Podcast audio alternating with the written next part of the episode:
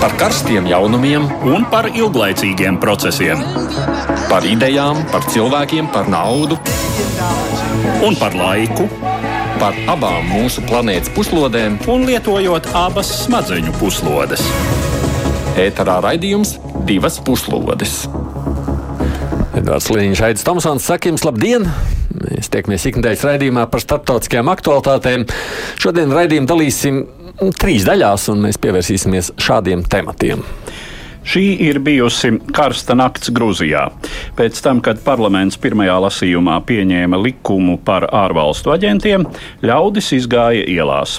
Protestētāji vardarbīgi tika izdzenāti vienu nakts vidū, bet prezidente nostājusies protestētāju pusē, paužot viņiem atbalstu.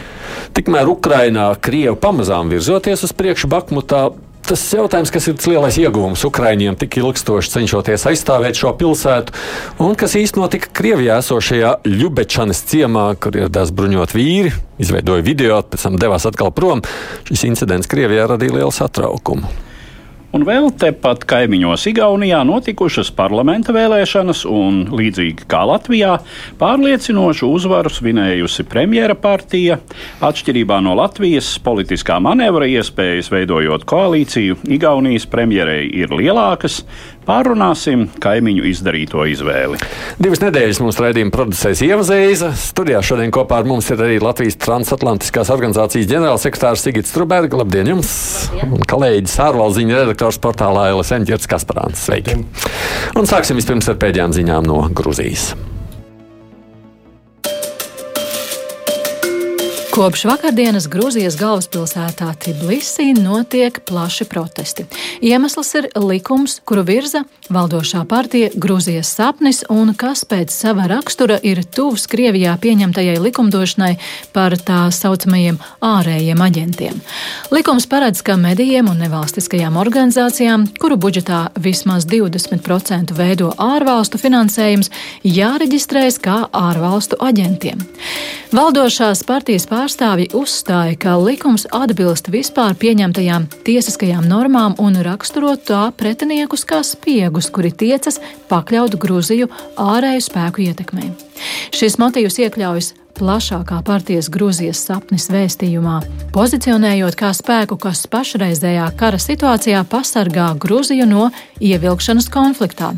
Tikmēr likumprojekta pretinieki pauž, ka tas ir mēģinājums uzbūvēt valstī autoritāru režīmu, kas laupa Gruzijai cerības iestāties Eiropas Savienībā.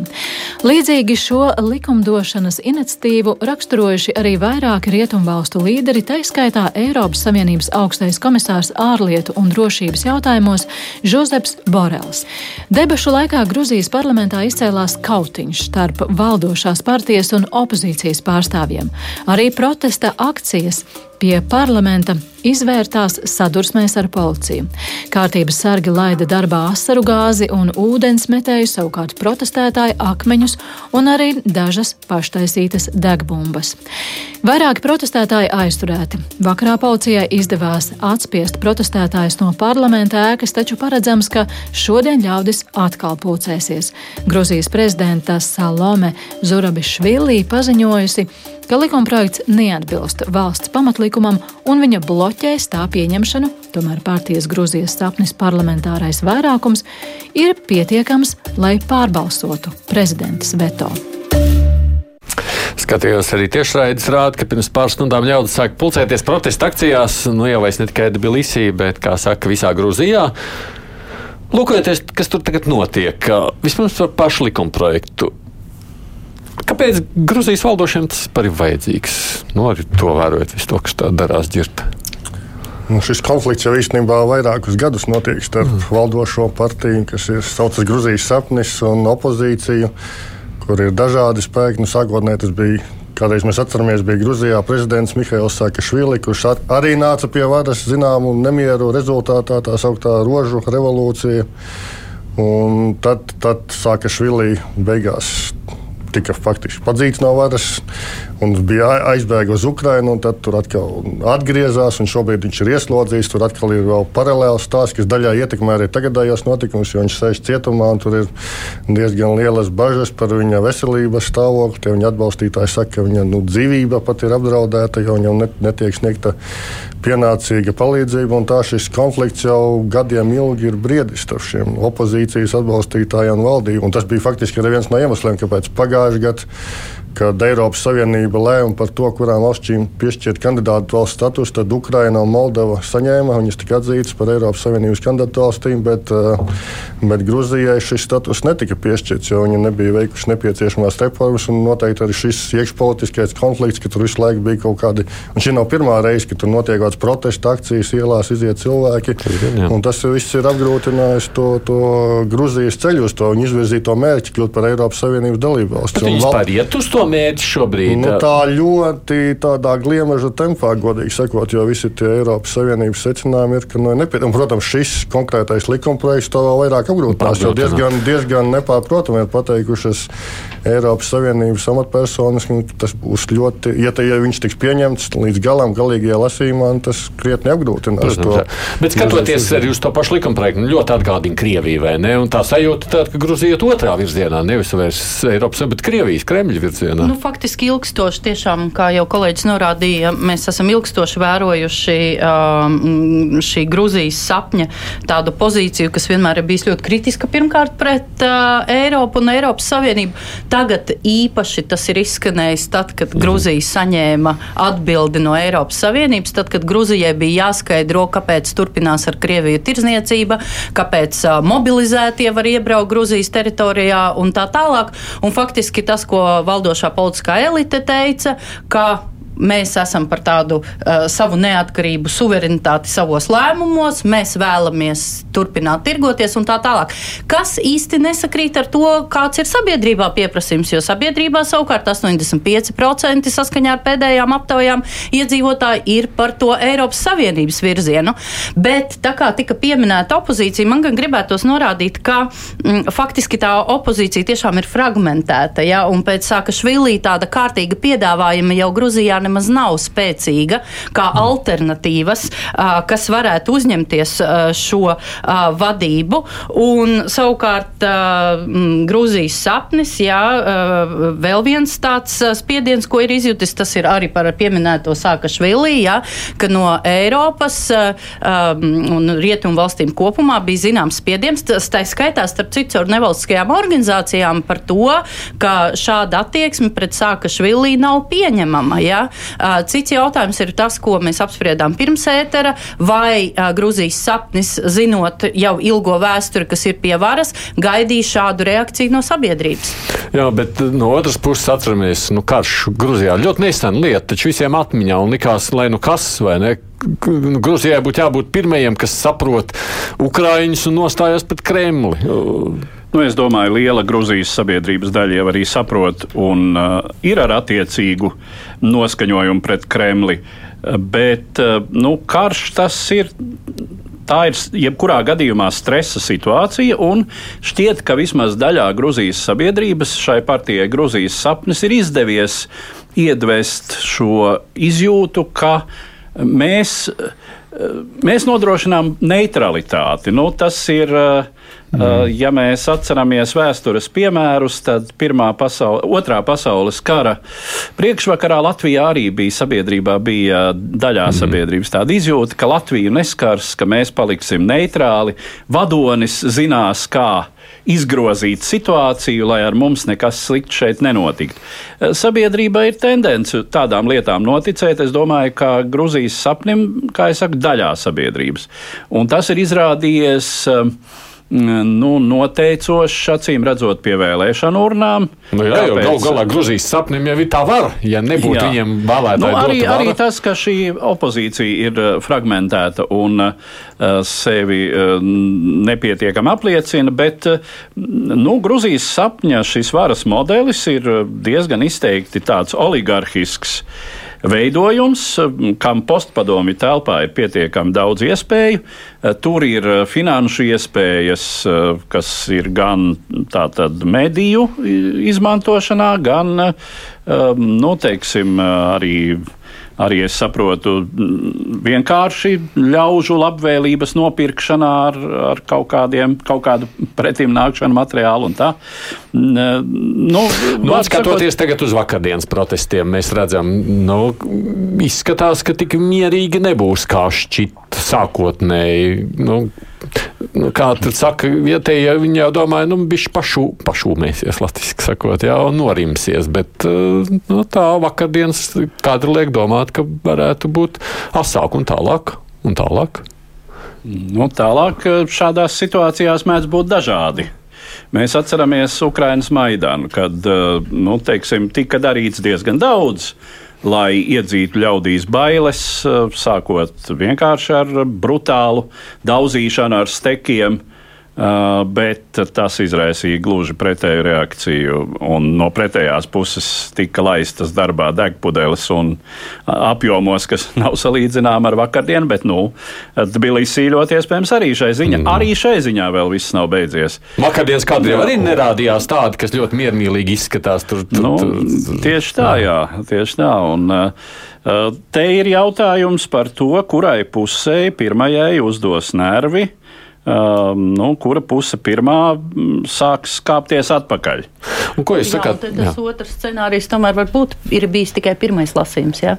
Uh, un te vēl nevar zināt. Otrais ir šodien vai rīt. Šodien vai rīt. Es nevaru atrast. Bet tāpēc ir jautājums par nervu uzdošanu un reakciju. Ja? Līdz ar to man liekas, ka ir pāragri teikt uh, par kādu drošu scenāriju šobrīd. Tāpēc man šķiet, mm. ka ir mhm. nedaudz jāpagaida. Es nezinu, kā. Jā, tur, tur nu, mēs arī tā, vispār gribējām par to runāt nākošais nedēļa, bet tie notikumi vakar, vakarā likās jā, tik, tik dramatiski, tomēr izrādījās. Klusēt, bet prezidents rīcība, ja ko tu saki no vienas puses, reti, ka tā ir, kad protestos prezidenti no apvienotā labi atrodas Savienotajās valstīs, nāk ar uzrunu un saka, es esmu protestētāju pusē. Tas tāds, mm, neparasts. Ja, nu, viņa, protams, pārstāv šos eiropeiskos spēkus. Viņa pati ir dzimusi Francijā un izglītojusies Francijā. Viņa jau pēc savas būtības ir un pēc tam tikai devusies uz Grūziju, tur dažādas amats ieņēmusi un faktiski kā, viņa kā neatkarīgs spēlētājs uzstājas. Bet, protams, viņa aizstāv visu šo Grūzijas virzību uz Eiropas Savienību. Un, Acīm redzot, viņi uzskata, ka šie protesti atbalsta šo virzību, un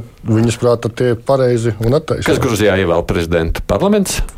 Vai tauta? Tur man bija tauta, bet viņi taisās mainīt to sistēmu, lai šī prezidenta vēl ar tautas, un pēc tam būs cita, cita sistēma nākamā. Bet es vēl gribēju atgriezties. Edvards minēja, ka lūk, bijuši vēsturiski piemēri. Es redzu, šobrīd ir kāds piemērs attieksmē pret Krieviju. Tagadējā situācijā es redzu tādas paralēlas ar Ungāriju, kur arī valdošais režīms, nu, varbūt nesauksim to režīms, bet Eh, premjerministrs Orbāns pasaka, ka šis nav mūsu karš, un galvenais mums ir palikt maliņā, mēs tur nelīdīsim iekšā, galvenais, lai ir miers, un viņi tur visādas darījumus ar Krieviju veido. Un Gruzija jau līdzīgi pēc tāda Ungārijas scenārija, kā tā, šī, šī valdošā vara, tas Gruzijas sapnis mēģina, ka mēs tur iekšā nejauksimies, un viņi mēģina balansēt tur vārdos, kā, protams, arī Orbāns, viņš jau izsaka, atbalstu, jā, mēs tur tā teikt par mieru, par mieru, un lai karš ātrāk beidzas, bet reāli viņi arī turpina dažādu sadarbību ar, ar Krieviju. Gruzijas šī valdošā vara pēc līdzīga. Un arī Vēl kāda paralēla, kā Orbāns jau arī ir līdzīgā veidā vērsies pret opozīciju, dažādos veidos apspiedis. Viņš to pašu Sorosa finansēto Centrāla Eiropas Universitāti faktiski padzina no Budapestas. Viņi bija spiesti pārcelties uz Vīni, un viņus tur nosauca arī par ārvalstu aģentiem un tā tālāk. Un Gruzijā jau notiek ļoti līdzīgs process. Nu, protams, Krievijā tas jau viss ir izkopts Tur jau bez mazliet tas ir kā ordenis, ja te nosauc par ārvalstu aģentu. Tas nozīmē, ka tas ir godīgs, kārtīgs cilvēks. Jo mm. viss ir normāli.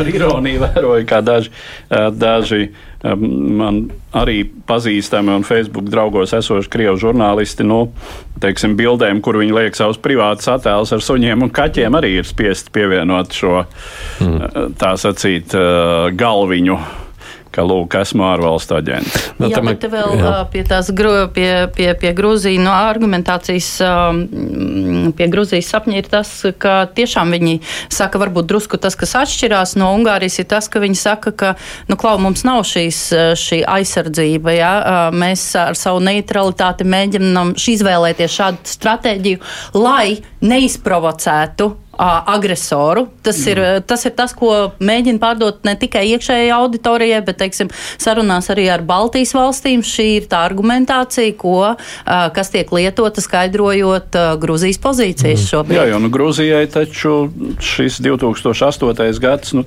bija traumējoša pieredze. Mm. Un lielā mērā jau par spīti tam, ka sākotnēji likās, ka prezidents Sakašvili toreiz nu, viņš tā kā izturēja šo, bet nu, viņām tas bija milzīgs stress. Mēs jau atceramies arī tīri personiski.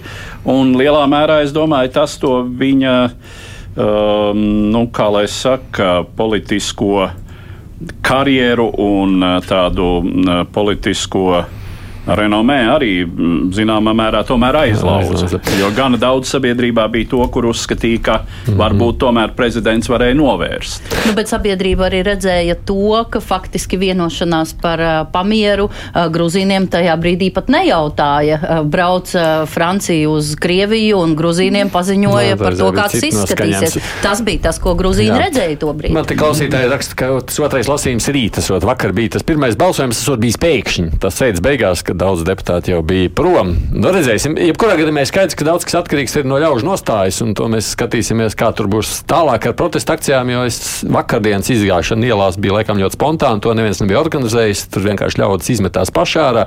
Šodien jau opozīcijas partijas aicināja, un esot jau grupas, kas organizējoties šobrīd arī pa citām pilsētām. Kā, nu, redzēs, kā notikumi attīstīsies. Atšķirībā no tā mēs arī ar Eduardu iespējams nākamajā reizē vai nu, turpināsim tēmatu vai nē, skatoties, kas notiek tur.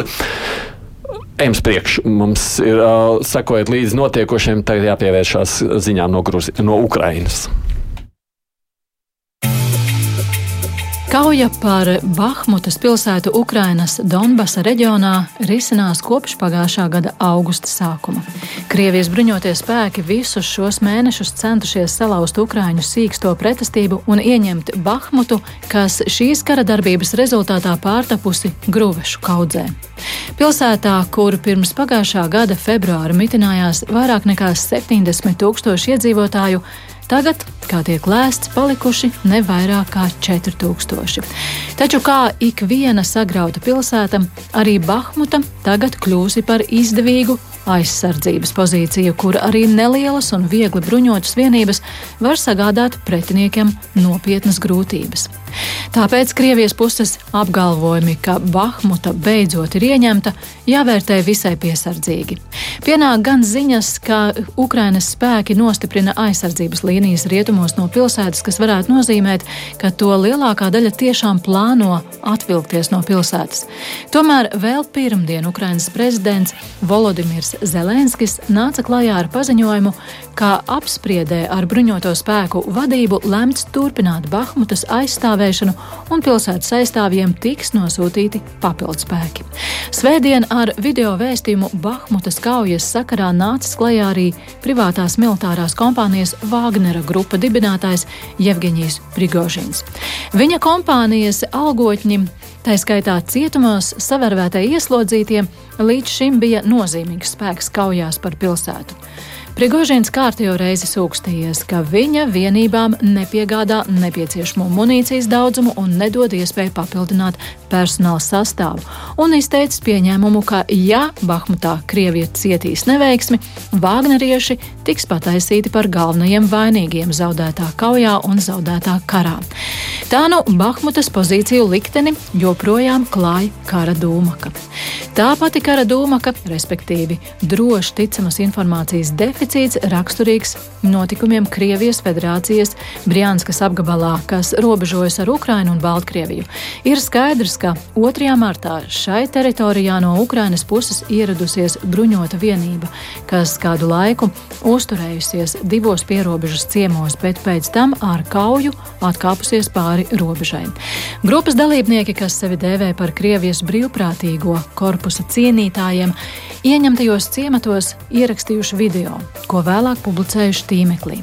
Viņu pārstāvis Denis Kapustins, kurš figurē arī ar pieņemtu uzvārdu Nikitins, Viesojoties publicista Mārka Feigina video kanālā norādīja, ka akcijas mērķis bijis demonstrēt Krievijas varas vājumu un iedrošināt Krievijas iedzīvotājs cīņai pret Kremļa režīmu.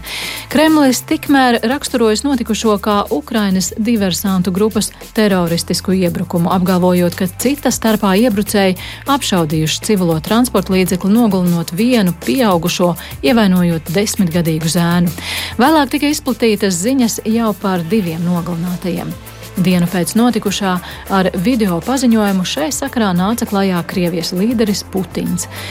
Vainojot Ukrainu teroristiskā uzbrukumā. Katrā ziņā šī ir pirmā reize, kad Krievija atzīst, ka noticis iebrukums tās teritorijā.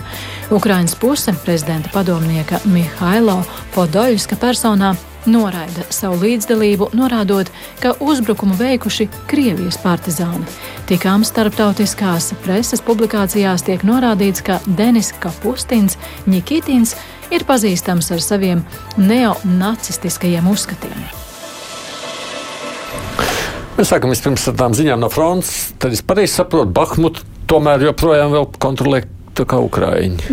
Es domāju, ka tā īsti nevar teikt. Es domāju, ka ja, nu, ja mēs iztēlojamies, ko nozīmē drupās sagrauta pilsēta, kurā praktiski vairs nav iedzīvotāju, ir tikai nu, sacīt, māju karkasi, grūvēšu kaudzes un tā mm. tālāk, tad vispār pateikt, kurš to teritoriju kontrolē, atšķirībā no kaut kādām klajākām vietām laukā, kur ir iespējamas tranšējas aizsardzības līnijas un tā tālāk, tur tas viss ir stipri nosacīti. Mm. Un tur ir tā, ka mm, kā mēs no, vēst, no vēstures piemēriem atceramies, ir tā, ka uh, viena armija kontrolē virtuvi un uh, mm, otra vannu istabu.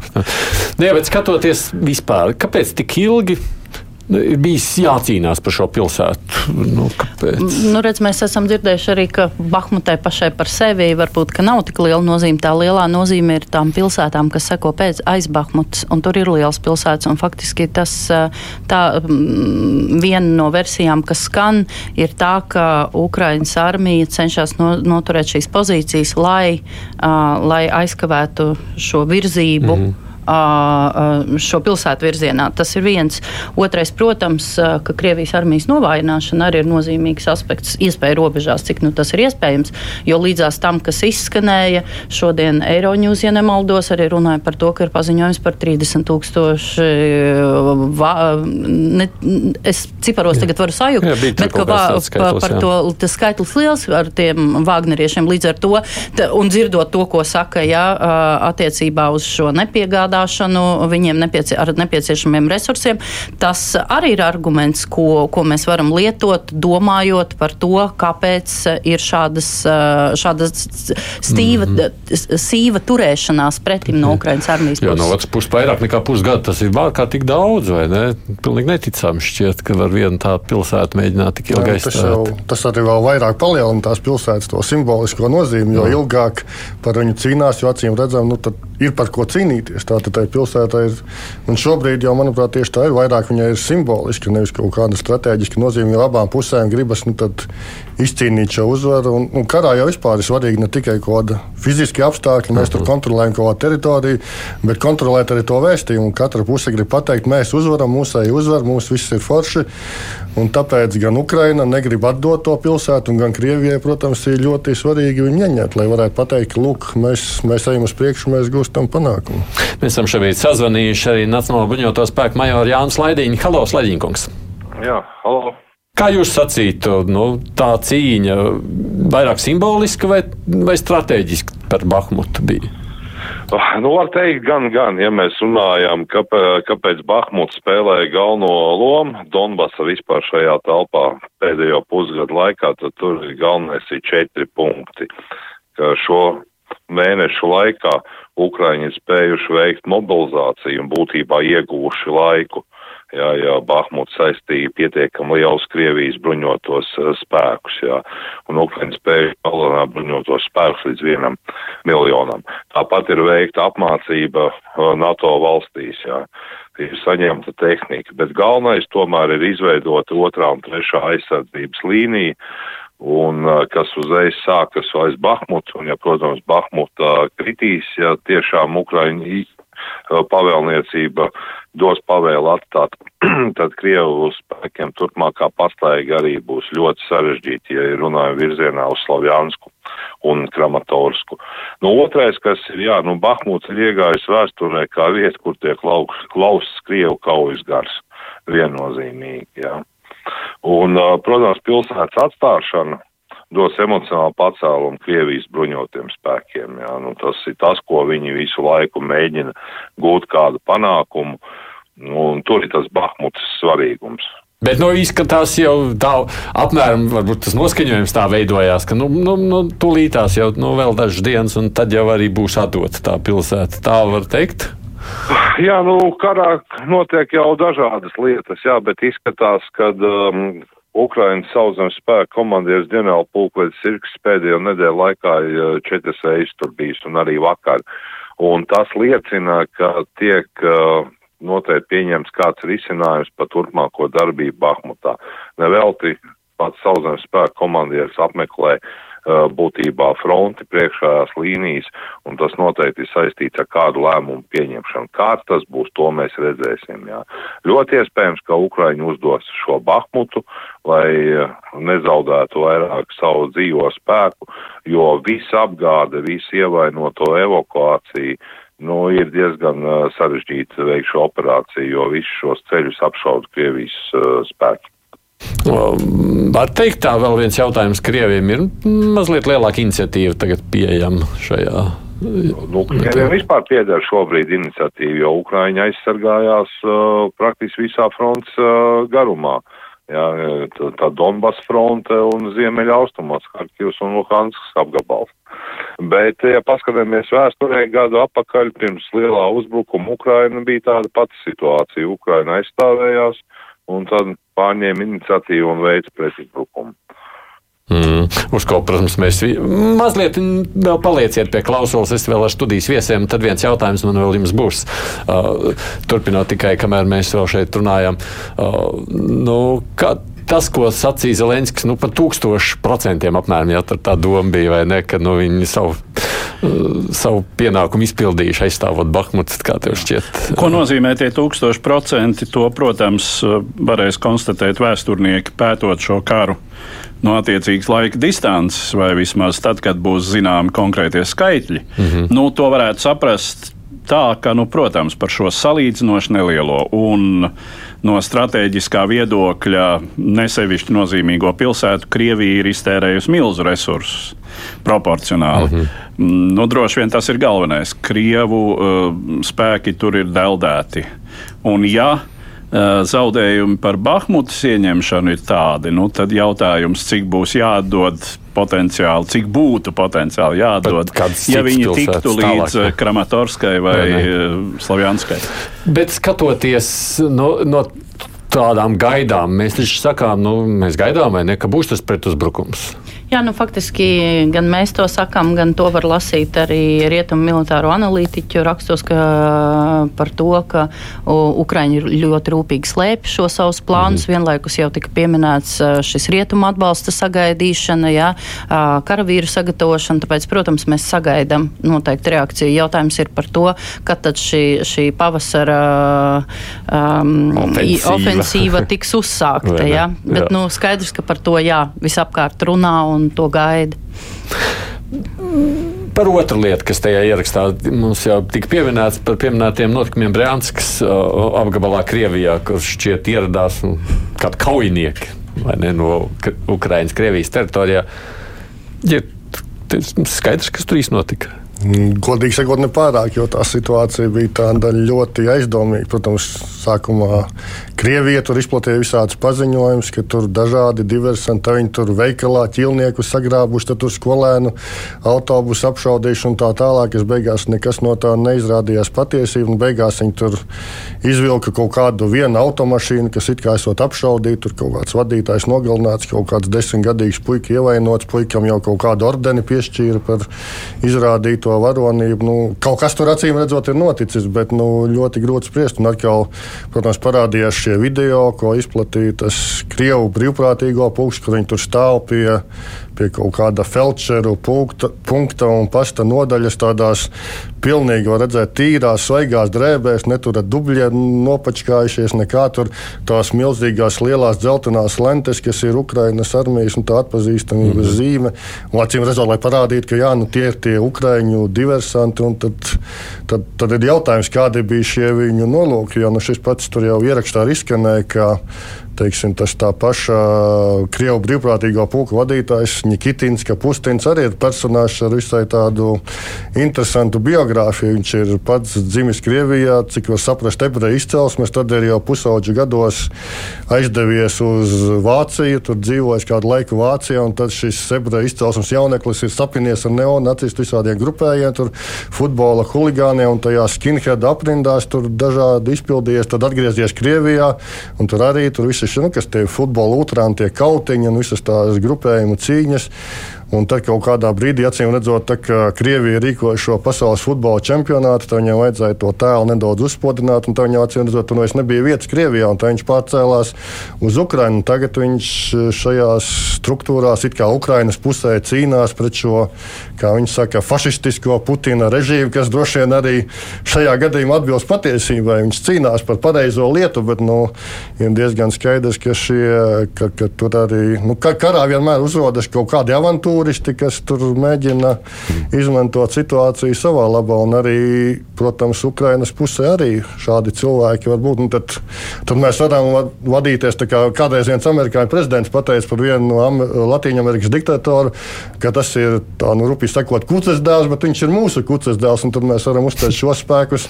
Ja viņi cīnās par, pret Putinu, tad viņi ir pareizajā pusē. Bet nu, skaidrs, ka šie personāļi tur arī ir. Tas Latvijas ir nolicis klausulis, būtu pajautājis, vai viņi viņiem kā bruņotajiem spēkiem, kas zināms vairāk. Bet kā jūs sapratāt, kas tur īsti noticis? Nu, man, man jau šī versija arī šķiet visticamākā, ka tas tiešām bija tāds um, propagandistisks gājiens, ko arī šis Kapustins, sēdēdams pie Feigina ēterā, ļoti skaidri pateica. Nu, mūsu nolūks bija parādīt, ka te, te ir tāda nianse, ka laikam nedēļu pirms tās akcijas eh, tika Krievijas propagandas līdzekļos eh, īpaši akcentēts, ka mūsu robežas ir drošas, un Brānskas apgabals piesaukts kā tā vieta, mm. kur ir veikta robežu drošības pastiprināšana. No nu, tad lūdzu jums robežu drošība gaišā dienas laikā bruņot cilvēku grupa ierodas šai teritorijā, pavada tur kādu laiku, Eh, pēc tam dodas projām. Nu, cik var spriest, arī pietiekami netraucēti, jo nekur neparādās ziņas.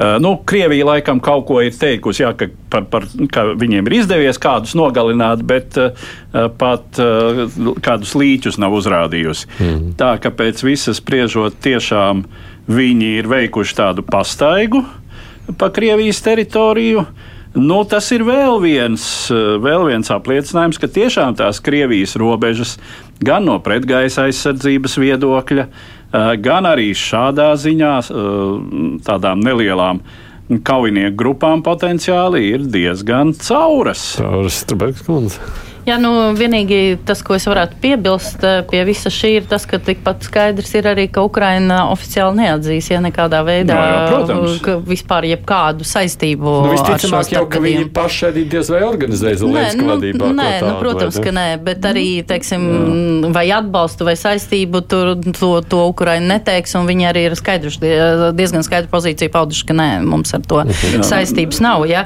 Uh, viena, viena no tādām tādām, manuprāt, diezgan bezjēdzīgām diskusijām, kas bija aizsākusies sociālajos mēdījos, bija par to, ka tas varētu būt iedrošināt varbūt kādus arī sacelties pret režīmu. Un tagad man šķiet, ka tas tā Krievijā, kas man šķiet tiešām nu, tā diezgan bezjēdzīgi, jo faktiski nu, nav daudz uh, atbalstītāju Krievijā šādām idejām. Ja? Uh, starp citu, Levada tikko nesen atkal ir publicējusi datus. Protams, mēs varam da, uh, ne, neusticēties, domāt par to, ka tie nav uh, līdz galam patiesi. Tomēr atkal jau tie apliecina to lielo atbalstu. Ja? Mm -hmm. Putinam atbalsts nav mazinājies un nav pamata domāt, ka, ka, ka, mm, ka tas varētu kaut kā strauji mainīties. Runājot, runājot par Ukrainu. Eh, jāsaka tā, ka, protams, Ukrainas eh, drošības dienas, izlūkdienestam šī informācija tomēr ir pietiekami vērtīga. Cik tas ir šajā gadījumā viegli iekļūt Krievijas teritorijā. Un, un cik tas cik ir vērts, ātri, bet, un cik tas ir vērts to darīt? Jā, cik ātri reaģē Krievijas spēki, nu, tādā anegdotiskā līmenī. Tā, tā laikam bija Julija Latīņina, kura teica, ka ātrāk būtu atbraukuši tad, ja viņiem būtu piezvanīts un teikts, tur stāv meitenīte ar plakātu ciemata vidū, uz kura ir rakstīts Puķina lololo. Mm. Jā, bet tā kā tur bija bruņoti veči, tad sevišķi nesteidzās. Protams, versija, ka tā tomēr bija provokācija, bet no Krievijas pēcdienas puses organizēta. Ārā, jo nu, par to arī Ukrainā visu laiku ir bažas, jo nu, Krievija, protams, visu laiku stāsta, ka lūk, tur Ukrainā nacisti un tūlīt viņi nāks, mums uzbruks skaidrs, ka viss šis karš bija uz tāda iegansta balstīts, ka tūlīt ļaunais NATO nāks un, un ja mēs nekarosim tur Ukrainas teritorijā, tad lūk, tūlīt mums būs Belgorodā, Brянskā un tur būs Ukraiņu fašisti. Tad jau ar šādām jā, akcijām bet, to spriežam pēc reakcijas, tas nav noticis. Nu, Ukrainai tas šobrīd mm. pilnīgi neko nemaina. Bet tas varētu būt izdevīgi, tas tieši būtu Krievijai izdevīgi, ka viņi parādītu, ka lūk, ir šie fašisti, kas nāk uz mūsu zemes. Bet, nu, tad, ir jāpieņem, ka, tad ir jāpieņem, ka šis ka Pustins ir Krievijas aģents, kurš pie kam šādā nu, visai riskantā veidā tā tad izspēlē šādu operāciju, jo nu, viņš ir Um, vismaz tais bildēs viņš tur ir redzams, un mm. pēc tam viņš publiski parādās un par visu to nu, pietiekami pārliecinoši stāsts. Nu, nav jau arī sekas, ja būtu kaut kāda cita veida reakcija no Krievijas. Jo tā bija tāda Krievijā izskatās, bija tāds apjukums, sasauc sēdnē, nesasauc sēdē, varbūt tomēr nākamajā dienā beig beigās. Situācija tāda, ka karš sācies, mēs zinām, vēsturē bijuši daudz piemēru, ka šādas akcijas tiek izmantotas, lai izprovocētu. Gan jā. Latvijā 40. gada gan, jūnijā, gan ziemas karš sākās Somijā šādām. Bet šķiet, ka šī nav bijusi tā reize. Ko izprovocēt? Ko? Jā, jā, Šobrīd jau, nu, ko vēl izprovocēt? Jā, mēs atceramies, un kaut vai tās pašas 99. gada mājas spridzināšanas Maskavā. Jā, jā. Un tur jau ir ļoti daudz versiju, un jo vairāk laika paiet, jo vairāk parādās aizdomas, ka tā tomēr bija pašas Krievijas pēcdienas, tu sarīkot akciju. Bet šoreiz nav tā reakcija tāda, kas liek domāt, ka visticamāk, nē, vai būs kaut kad vēlāk, to mēs, protams, nezinām. Tas tikpat par Baltkrieviju tiek skatīts un visām pārējām lietām tik daudz, ka šajā gadījumā, acīm redzot, jā, Bet es pieļauju, ka arī Ukraiņa varēja pastīties, ka nu, diez vai tas ir tā vērts būt, mēģināt iet pāri Krievijas robežai. Protams, ka, kā, jau, kā jau tika teikts, protams, ka Ukraiņa vēro uzmanīgi reakcijas skaidrs. Jā, jā, un, nē, nu, ir, ir tāds to... fakts, ka tieši šajās dienās Kīvā. Uh, ar uh, vienā no dievnamiem ir izvadīti četri bojā gājuši arī, uh, domājams, uh, nu, Krievu brīvprātīgie, kuri uh, ir uh, Ukrainas teritorijā, kritu, Krievijas teritorijā krituši kādā līdzīgā, bet, mm. nu, acīm redzot, nopietnākā diversija operācijā. Un, bet ne šajā. Mm -hmm. ja? Tas, tas ir noticis kaut kad agrāk. Tā, tā kaut kā, kas tāds kas arī publiski neparādās. Jā. Nu, kas publiski tik ļoti neizskan. Okay. Ir vēl kāds temats, ko šodien noteikti ir jāpiemina, jo nu, mums nav sanācis par to runāt iepriekš. Proti, Igaunijā ir beigušās parlamenta vēlēšanas, un nu, mums ir būtiski, kas notiek kaimiņos. Pēc pagājušo svētdienu notikušajām Igaunijas parlamenta Rīgikogu vēlēšanām premjerministres Kājas Kalasas pozīcijas mūsu kaimiņu valsts varas virsotnē ir kļuvušas tikai stabilākas. Līdz vēlēšanām Kalasam vadīja trīs partiju koalīcijas vadību, kurā ietilpa viņas pārstāvētā Reformu partija, Igaunijas lielākais liberālais un proeiropiskais spēks, kā arī Nacionāla konservatīvā Tēvzemes Savienība un kreisi centriskā sociāldemokrātiskā partija. Valdošajā koalīcijā bija 56 no 101 Rīgakogu deputātu balss. Tagad parlamenta politisko spektru nozīmīgi ir izmainījis jaunpienācējs partija Igaunija 200 ar tās līderi žurnālistu Lauri Husaru priekšgalā. Šis spēks, kas sevi pozicionē kā liberālu un progresīvu, Dibināts 2018. gadā, taču iepriekšējās vēlēšanās 2019. gadā nepārspēja 5% barjeru. Tagad partijai Igaunija 200 būs 14 deputātu mandāti. Līdzinājās koalīcijas mugurkauls reformu partija palielinājusi mandātu skaitu no 34 līdz 37. Sociāldemokrāti zaudējuši vienu no līdzinājām desmit vietām, bet tēvzemieši četras no līdzinājām 12 vietām.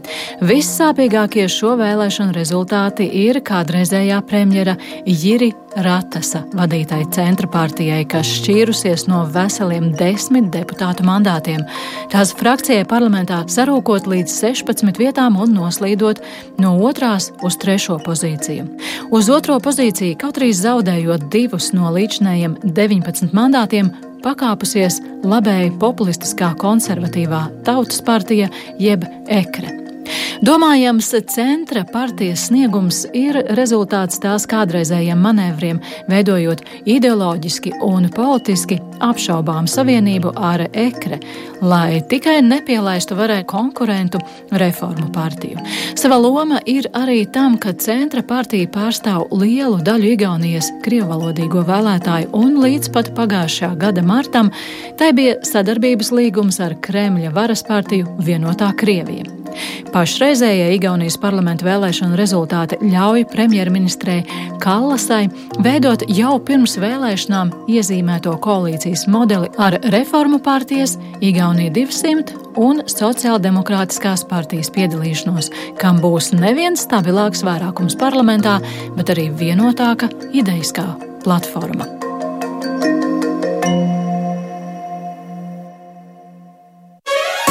Divas puslodes! Bez mums ar Eduārdu šeit studijā arī ir Latvijas transatlantiskās organizācijas ģenerālsekretāra Sigita Struberga un kolēģis žurnālists no portāla LSM Ģerds Kasparāns. Aptaujas rādīja, ka premjeras partijai, bū, partijai būs tik pārliecinošs. Aptaujas rādīja pārliecinošu atbalstu pašai premjerai. Mm. To gan aptaujas pirms tam rādīja ļoti skaidri. Jā. Kāpēc premjera tik ļoti uzrunā Gauņus? Uh, nu, faktiski uh, tāpat kā, pie, tāpat kā citur Eiropā, šīs vēlēšanas ir bijušas par karu par kara kontekstu. Un citi bija pret karu? Nē, nu redz, te ir dažādi.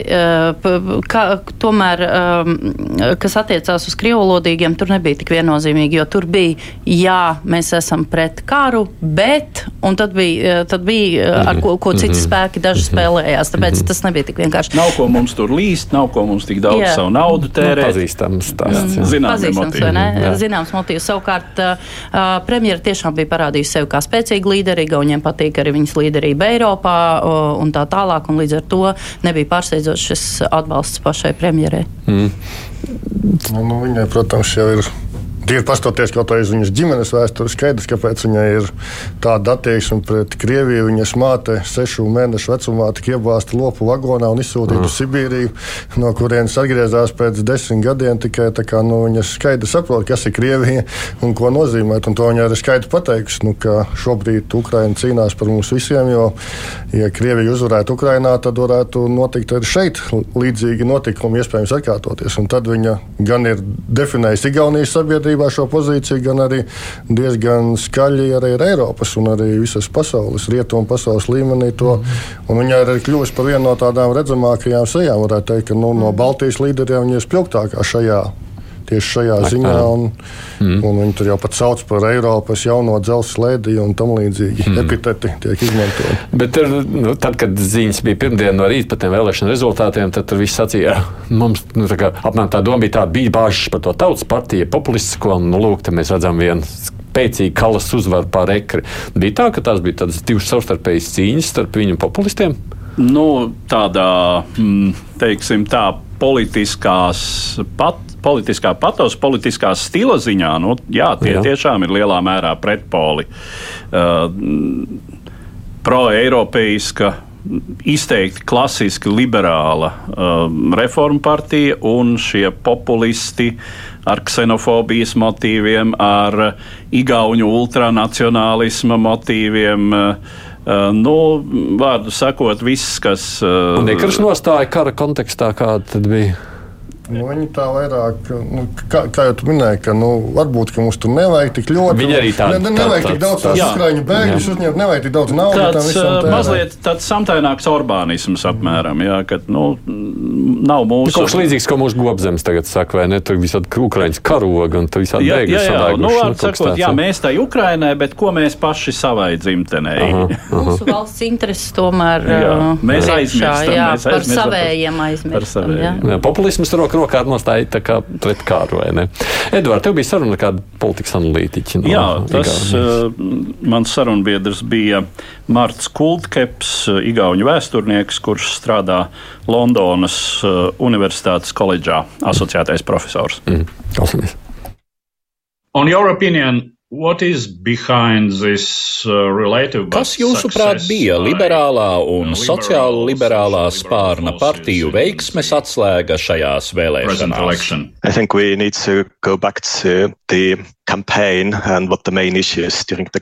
Es domāju, ka mums ir jāatgriežas priekšvēlēšana kampaņas laikā, kur šoreiz lielākajai daļai partiju, protams, dominēja nacionālās drošības jautājums, un vēlētāji noteikti ir apbalvojuši tos spēkus, kas šim jautājumam pietiekami nopietni pievērsās. Labēji populistiskais spēks Ekre neatrada pārliecinošu veidu, kā šajā jautājumā pārstāvēt savu viedokli, un mums, protams, ir jāpatur prātā, ka krīzes laikos, un šī brīža situācija tāda noteikti ir Igauņu vēlētājiem, cilvēki ierasti pulcējas ap drošām izvēlēm un nav gatavi var uzticēt jauniem spēkiem. Reforma partija uzbūvēja savu kampaņu ap šo ideju, ka viņi garantē stabilitāti, un viņu darbs valdībā, īpaši drošības jautājumos, tiek vērtēts kā visnotaļ labs. Kāja Kalasa ir īpaši redzējusi atbalsta pieaugumu no elektorāta. Uh, regarding the party Estonia 200. Runājot par partiju Igaunija 200, kas ir visnotaļ jauns spēks un ir saņēmis lielu atbalstu. Kāda ir atšķirība starp viņiem un reformu partiju? Yes, when you consider the policies, the differences are not that great. Ja runājam par politikas nostādnēm, tad atšķirības nav lielas. Tas ir viens no iemesliem, kāpēc mēs visticamāk redzēsim šīs abas partijas kopā koalīcijā. Lai skaidrotu šīs partijas veiksmes stāstu, ir jāatgriežas vēsturē un tajā, kā šī partija ir izveidojusies. Ir daļa liberālo vēlētāju, kuri ir dusmīgi uz reformu partiju, kas Igaunijas politikā ir jau ilgu laiku. Tā ir bijusi vairākās valdībās Tai pagātnē ir bijuši daudz skandāli, un šie vēlētāji, kuriem ir liberāli pasaules uzskati, bet nepatīk reformu partija, ļoti iespējams savas balsis atdeva par Igauniju 200. Vēl arī viņiem ir izdevies piesaistīt tās vēlētāju grupas, kas iepriekš vispār nav devušās pie vēlēšanu urnām. Viņi šobrīd noteikti izbauda jauno politisko spēku labumus. Viņi reprezentē to jauno un svaigo ideju ienešanu politikā, un tas noteikti viņiem nāca par labu. Kind of, uh, Vai viņu veiksme ir paudžu maiņas rezultāts? Vai Igaunija 200 reprezentē jaunāko paudzi politikā? Uh, I think that's true, and uh, they do. Well, I don't know the statistics, but they. Jā, es domāju, ka šis aspekts viņiem palīdzēja. Un es gan neesmu redzējis statistiku, bet domāju, ka viņu piesaistīja jaunāko vēlētāju paudzi. Viņi pārstāv vairāk sociāli liberālo spārnu un izceļ tādus jautājumus kā laulība, vienlīdzība, kas ir būtiski jaunākajai paudzei. Savukārt reforma partija iekļauj tos politikas jautājumus, kur ir aktuāli vecākai paudzei, un tas iespējams viņus padara par attālākiem no jaunās paudzes vēlētājiem.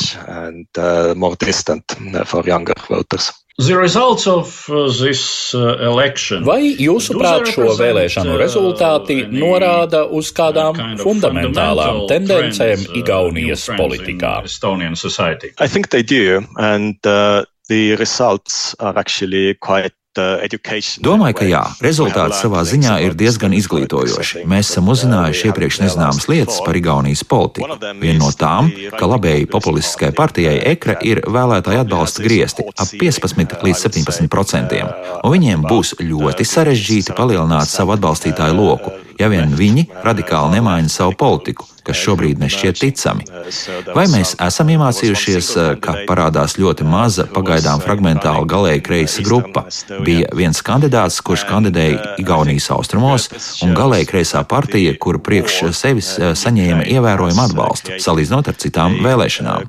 Tas parāda, ka karš Ukrainā ir Igaunijā radījis sabiedrības grupu, kas nav apmierināta ar pašreizējo politisko piedāvājumu un iespējams nākotnē radīs jaunu, galēji kreisu politisko spēku pick their own uh, far left uh, party in the future. Klausījos to ierakstu, domāju, bet viņiem tomēr tāda uh, stabilitāte neizveidojas. Nu, es domāju, Latvijas stabilitāte tāda, tāda ļoti prokrieviska. Lat, nu, es domāju, tādā ziņā, Nē, nu, mums, mums tā ir daudz skaitlīgāka, tāpēc, ka mums ir ilgstošāka un daudz vairāk iestrādāta tradīcija tā, šī krievu partiju tradīcija, tā, tā kur nav, Igaunijā ir jau salīdzinoši sen pārvarēta. Tas krievu elektorāts, krieviski runājošais, krievu izcelsmes ir faktiski nu, teiksim, sadalīts starp šo centra partiju.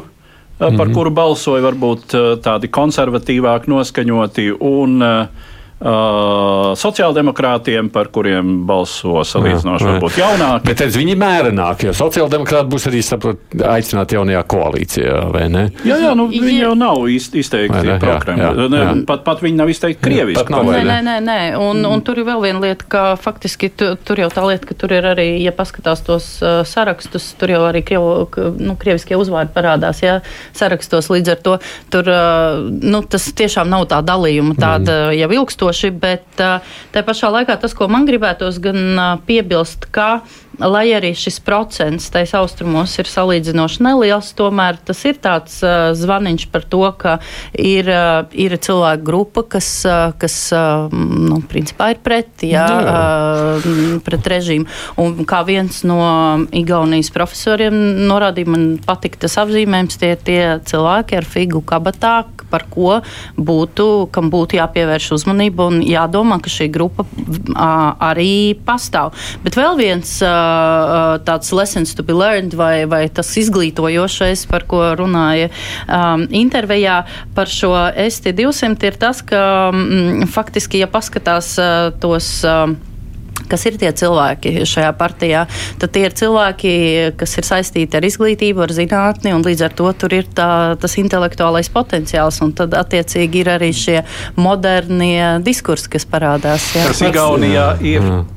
tomēr piedodiet, procentuāli lielāks nekā, nekā Latvijā. Nekā Latvijā diemžēl, vai ne? Bet tas vēsturiski izveidojas. Bet mēs skatāmies uz, uz jauno koalīciju, kas nozīmē, ka tas, kas tur būs tādā, tie būs tēvzemieši, tajā vietā būs šī jaunā partija, vai ne? Tā tas izskatās, ko tas nozīmē, ko mēs varam sagaidīt no šīs jaunās koalīcijas. Nu, es domāju, ka lielos vilcienos jau šis kurs nemainīsies. Mm -hmm. Tur faktiski nomainās viena partija, un labi, tā attiecīgi tur bija tēvzemieši, kas vairāk uzstāja, nu, kas ir faktiski mūsu nacionālās apvienības. apvienība analogs, kas no, kam attiecīgi šie jautājumi bija par igauņu valodas nostiprināšanu, par pārēju uz mācībām tikai igauņu valodā, kas arī viņiem visi, visi šie paši procesi notiek. Un kas tur nerulēja, kā redzams, jā, tātad. Nu, tā, jā. Nu, jā, tas arī ir kāda zināmas paralēlas ar Latvijas situāciju, ka nu, šī Ukraiņas kara apstākļos varēja gaidīt, ka šie spēki gūs labākus panākumus, bet, bet acīm redzot, vairāk vēlētāji tomēr uzticējās tai vadošajai reformu partijai, kā Kallas persona. Bet, ko jau arī Igauni politologi ir teikuši, nu, ka ir